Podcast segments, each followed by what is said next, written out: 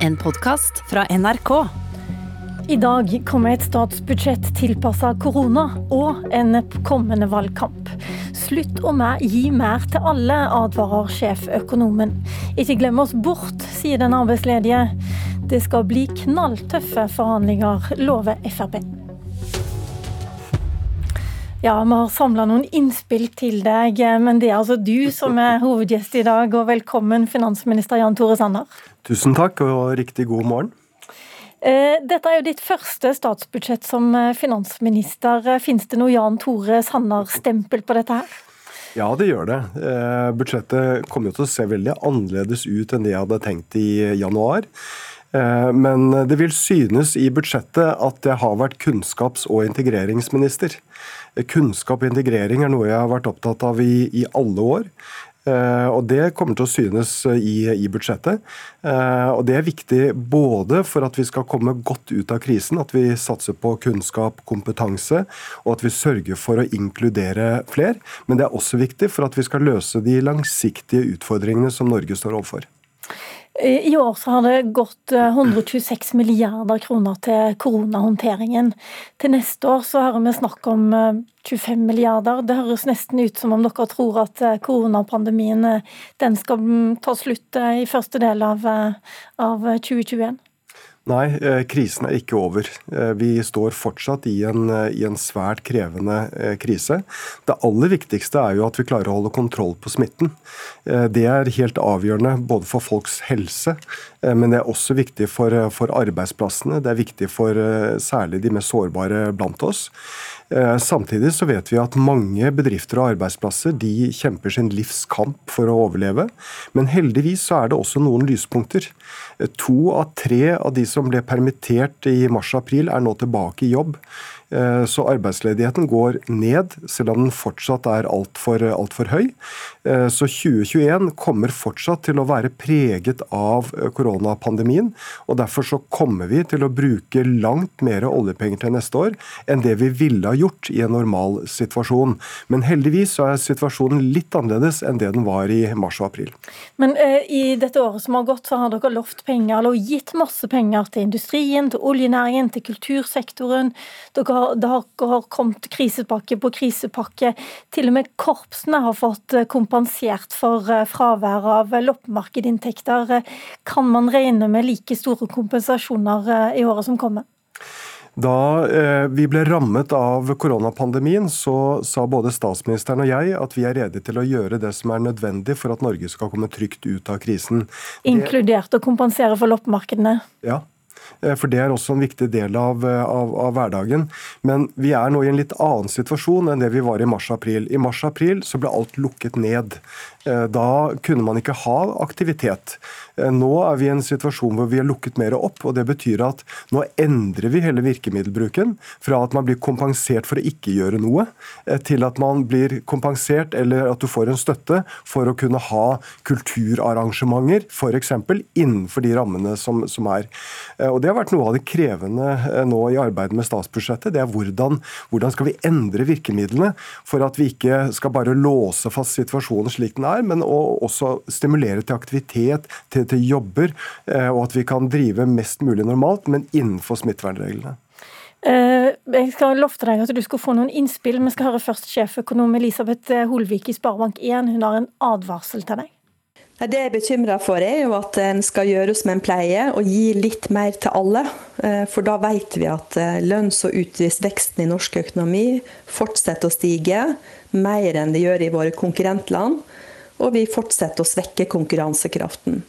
Så jo mer penger som blir brukt over statsbudsjettet, jo vanskeligere blir den omstillinga og den styrkinga av konkurransekraften som vi trenger.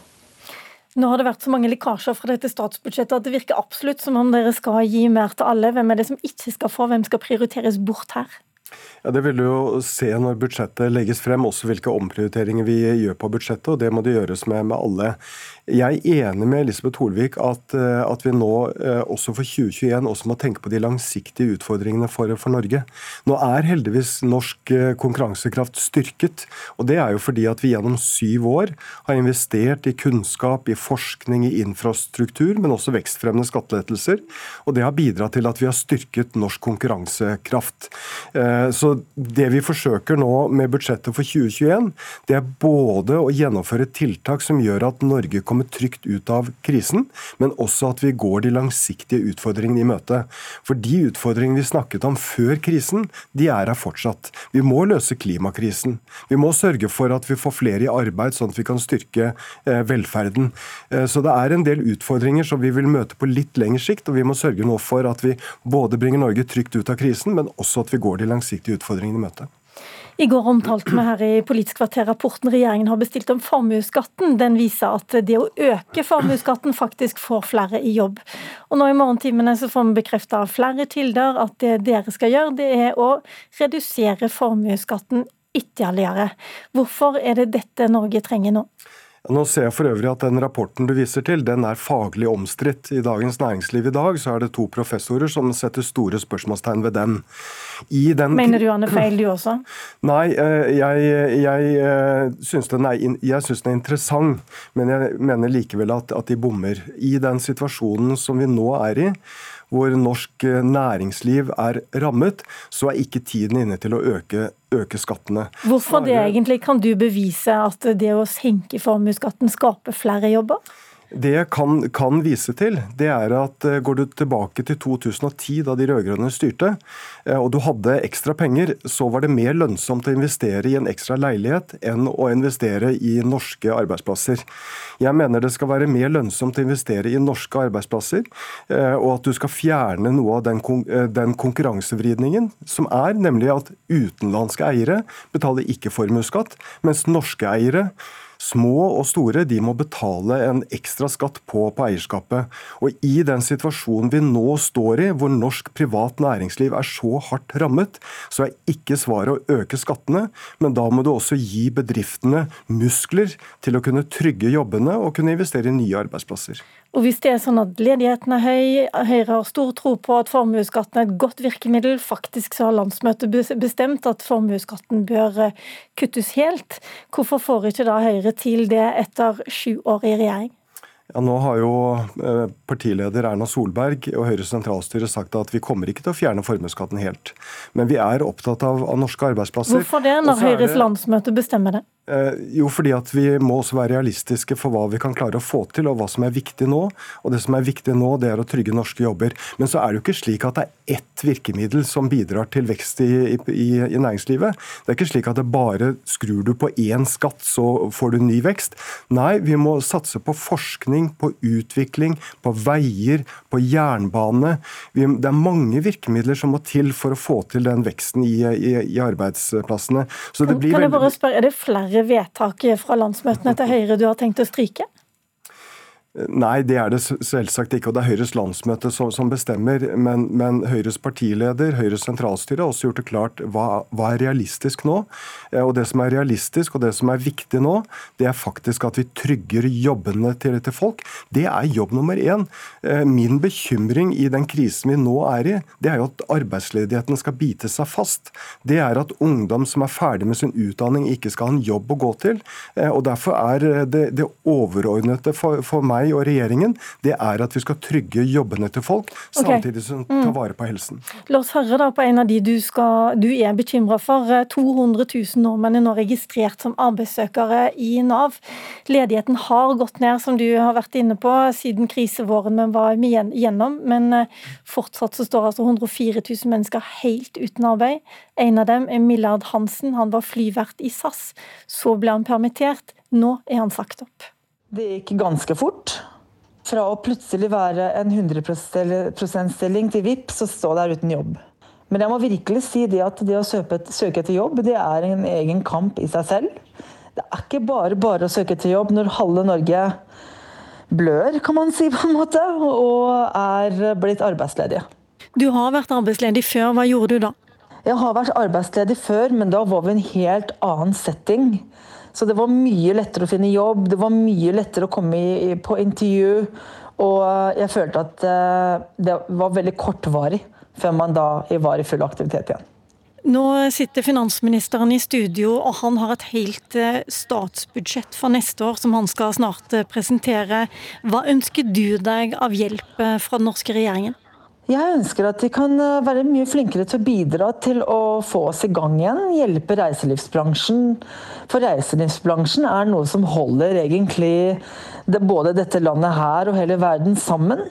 Jeg føler at vi har blitt litt gjemt bort. og Ikke i forhold til at man skal hele tiden tenke på oss, for det er jo veldig mange andre som også har mistet jobbene sine. Men og jeg føler liksom det at nå er liksom boka lukket, og nå er liksom vi borte vekk. Er de arbeidsledige i reiselivsnæringen og flybransjen borte vekk, Sanner? Nei, det er det ikke. Og det er helt riktig at krisen er ikke over. Eh, og vi eh, er klar til å gjøre det som er nødvendig for å trygge, trygge jobbene. Og hva er og nødvendig, sitter, og hva gjør og vi sitter, eh, vi sitter nå og forhandler med partene i, eller har samtaler med partene i arbeidslivet, nettopp for å finne løsninger for, for reiselivet. Så der er vi godt i gang med å jobbe med virkemidler, og det håper jeg kommer raskt på, på plass. Men hva som er viktig til, til neste år for å få fart igjen økonomien? Vel, vi kommer til å bruke mer oljepenger oljepenger, langt mer oljepenger enn det vi ville gjort i en normalsituasjon. Eh, vår satsing innenfor vei og jernbane, på forskning og utvikling, men også forsvar, det bidrar jo til at det skapes og trygges jobber.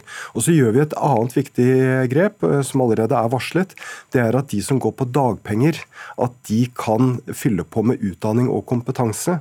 Eh, og det er, en, det er viktig for at man skal være tryggere i arbeidslivet når man kommer kommer tilbake igjen. Og det er også viktig for bedriftene at de får mer kompetanse. Men det Millard Hansen lurer på da, det er rådet til han at han skal holde ut, eh, eller er rådet til han at han skal omstille seg fordi at eh, reiselivsbransjen, flybransjen, skal ikke være den, den han var før korona?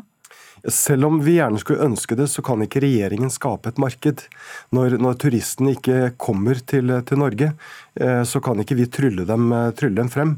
Eh, så det er klart at mange bedrifter må også omstille seg. Vi vil oppleve flere konkurser fremover, men ut av krisen så vil det også vokse noe positivt. Jeg ser at det er mange bedrifter som nå omstiller seg. Snakker du om flybedrifter nå, eller snakker Nei, du om jeg snakker om, snakker om andre, andre, bedrifter. Men det er klart at vi kan ikke trylle frem at, at mange plutselig nå skal begynne å, reise. Men vi har stilt opp for, for flybransjen, og vi kommer til å stille opp også for reiselivet fremover. Vi må bruke de siste minuttene på at du skal ha et flertall for dette statsbudsjettet også. Siv Jensen eh, satt her i den stolen som du satt i i de foregående sju årene eh, på statsbudsjettdagen. Nå er Sylvi Listhaug blitt finanspolitisk talsperson. Hun lover ikke enkle forhandlinger eh, utover høsten. Nei, Vi kommer til å sette knallharde krav, og for oss er alt som har med Granavolden å gjøre historie. Det er Fremskrittspartiet sitt partiprogram som styrer det. Skal de ha med oss, så må det bli kutt i bistand i antall kvoteflyktninger. Vi må prioritere opp eldre pensjonister og syke mennesker. Vi skal ha ned grensehandelsutsatte varer og trygge og bygge arbeidsplasser i Norge. Og så skal vi bygge vei og få ned bompengebelastninga. Så vi kommer til å sette knallharde krav i forhandlingene. Ja, la oss begynne med kvoteflyktningene og bistanden. Er det aktuelt å, å kutte i dette? Eh, jeg, eh, jeg, håper at vi skal finne gode løsninger med Fremskrittspartiet. Det har vi klart gjennom syv år. Så har de fire borgerlige partiene funnet gode løsninger, og det håper jeg vi skal klare nå også. Kanskje du bare forklarer oss da hvordan du finner en løsning mellom KrF som, eh, som, mener bistanden er utrolig viktig å holde den på 1% av BNI, og Frp som sier at det er utrolig viktig å kutte den, og Venstre f.eks. som syns det er svært viktig med 3000 kvoteflyktninger. Frp som sier at det blir ikke noe budsjett med 3000. Ja, Det har vi da klart gjennom, gjennom, syv år. Eh, og vi har en regjeringsplattform som Fremskrittspartiet også var med å forhandle frem. Vi legger den til grunn. Hva betyr det? Jo, det betyr at de seirene som Venstre og KrF har fått, de kommer til å stå fast. På samme måte som Fremskrittspartiets eh, seire, de kommer vi også til å gjennomføre. Og la meg ta et par, og så sier Sylvi Listhaug at Granavolden eksisterer ikke. Jo, men i Granavolden så ligger det også seire for Fremskrittspartiet. F.eks. Eh, eiendomsskatten, som vi nå setter ned fra 5 til 4, 4 eh, promille. Det er en Frp-seier. At du skal ha statlig eh, eldreomsorg i flere kommuner, er en Frp-seier. Det kommer vi til å gjennomføre. Så vi, vi står fast på Granavolden. Vi gleder oss til de forhandlingene og love at Politisk kvarter skal følge tett på utover høsten. Nå anbefaler jeg alle lyttere og seere å følge tett på våre sendinger utover. For allerede nå klokken åtte så kommer de viktigste nøkkeltallene. Klokken ti skal Jan Tore Sanner her legge fram finanstalen i Stortinget. Mitt navn er Lilla Sølhusvik. Takk for dette Politiske kvarter.